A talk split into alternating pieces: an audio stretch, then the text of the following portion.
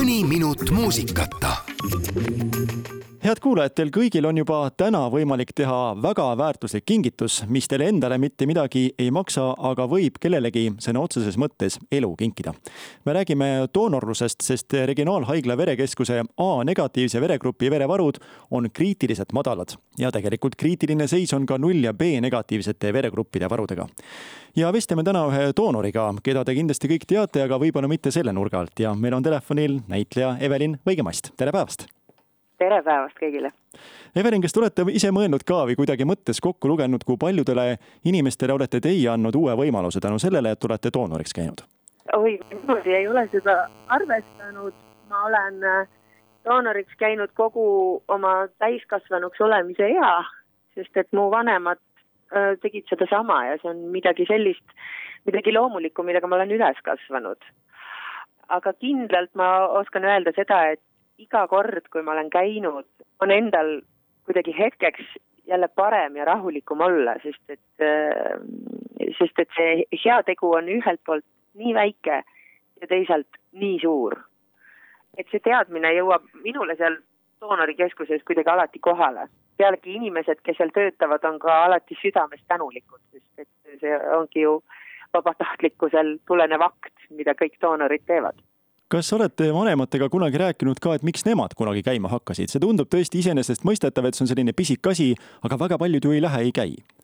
üks asi on kindlasti selles, et äh, mul endal on äh, reesus negatiivne veregrupp.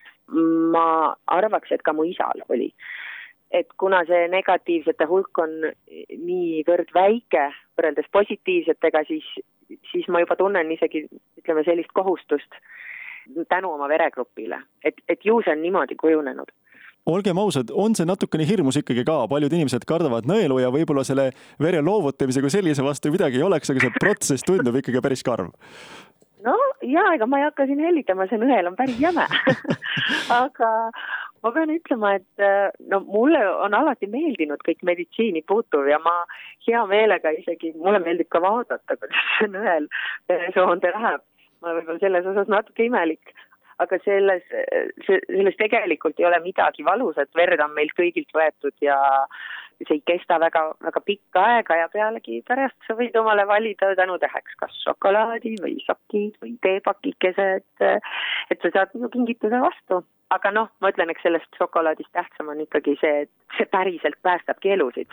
täpselt nii lihtne see ongi, et kui sa tahad kellegi elu päästa, siis mine anna verd tegelikult paljud sellele ei mõtle, aga tänapäeva kiires elus, kui me selliseid vabu hetki justkui ei olegi, siis see on üks selline hetk, kus tõepoolest heidad sinna pikali, lased sellele verel rahulikult äh, voolata ja ega muud ju selle all ei tee, mõtled oma mõtteid, et võib-olla see on selline väike hetk päevas, kus lõpuks päriselt keegi ei sega ja saadki oma mõtteid mõelda.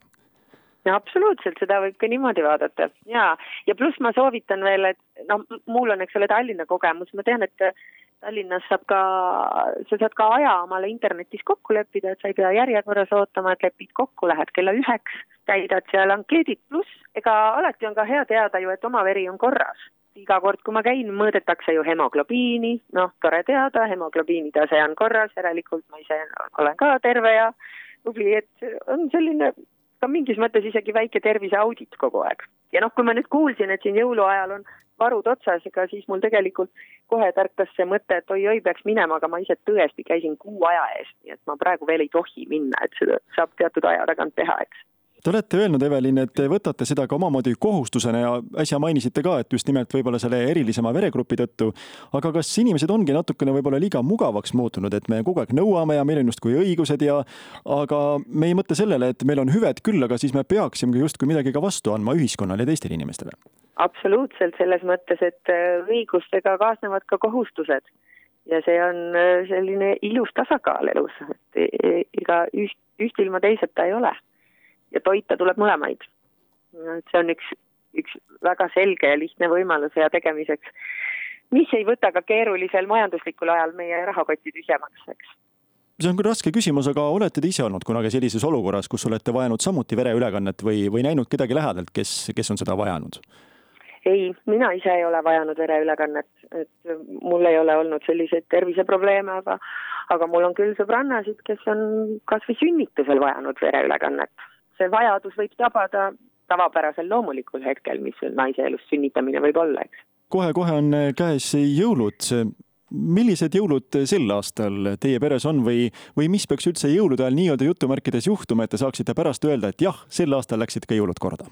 tempo tuleb maha võtta, eelkõige. see suur rassimine tuleb ära lõpetada, et kui õnnestub mõneks päevaks see hoog päriselt maha võtta, siis ongi juba hästi, aga selleks ma ka näiteks pean, noh, ma püüan täna teha suurema osa turukäikudest näiteks ära ja homme sõita juba maale, et siis ülehomme oleks seal juba hea rahulik toimetada ja ei peaks enam kuhugi tormama.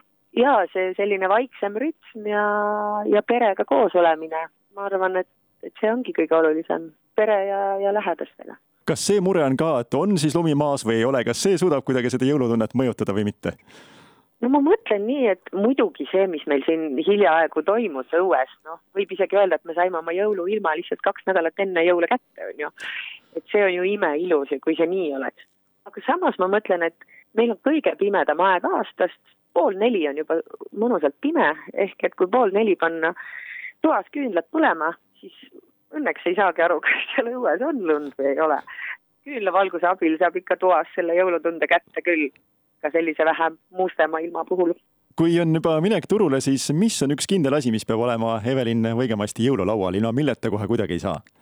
No ma ekstra lähen turule ikkagi hapukapsaste pärast. mul on, äh, menüüs on part sel aastal, aga nagu hapukapsad peavad olema ja mulle meeldib turul see, mm, see maitsmine siis see, see käib kuidagi toidu ostmise ja jõuluturuga kokku.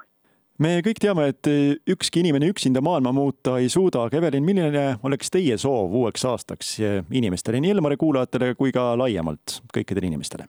Ma mõtlen, et alustama peaks iseendast eelkõige, sest et maailma muutmised algavad ka kõige väiksematest tegudest. hoolitsedagi kõigepealt iseenda eest ja siis juba oma lähedaste eest, et lähisuhted oleksid korras sealt edasi naabrid, töökaaslased ja et armastus on tegusõna, armastama on tegusõna, seda silmas pidada ja samamoodi ka suhetes mitte tegeleda nõudmisega, vaid andmisega imeilusad sõnad. suur aitäh, mhm. Evelin Võigemast, et leidsite meile selle hetke ja verekeskus.ee, seal on kenasti olemas kellaajad, saate täna veel verd loovutada ja aasta lõpus tuleb ka neid päevi veel, nii et suur aitäh teile, ilusat jõuluaega! ilusat jõuluaega!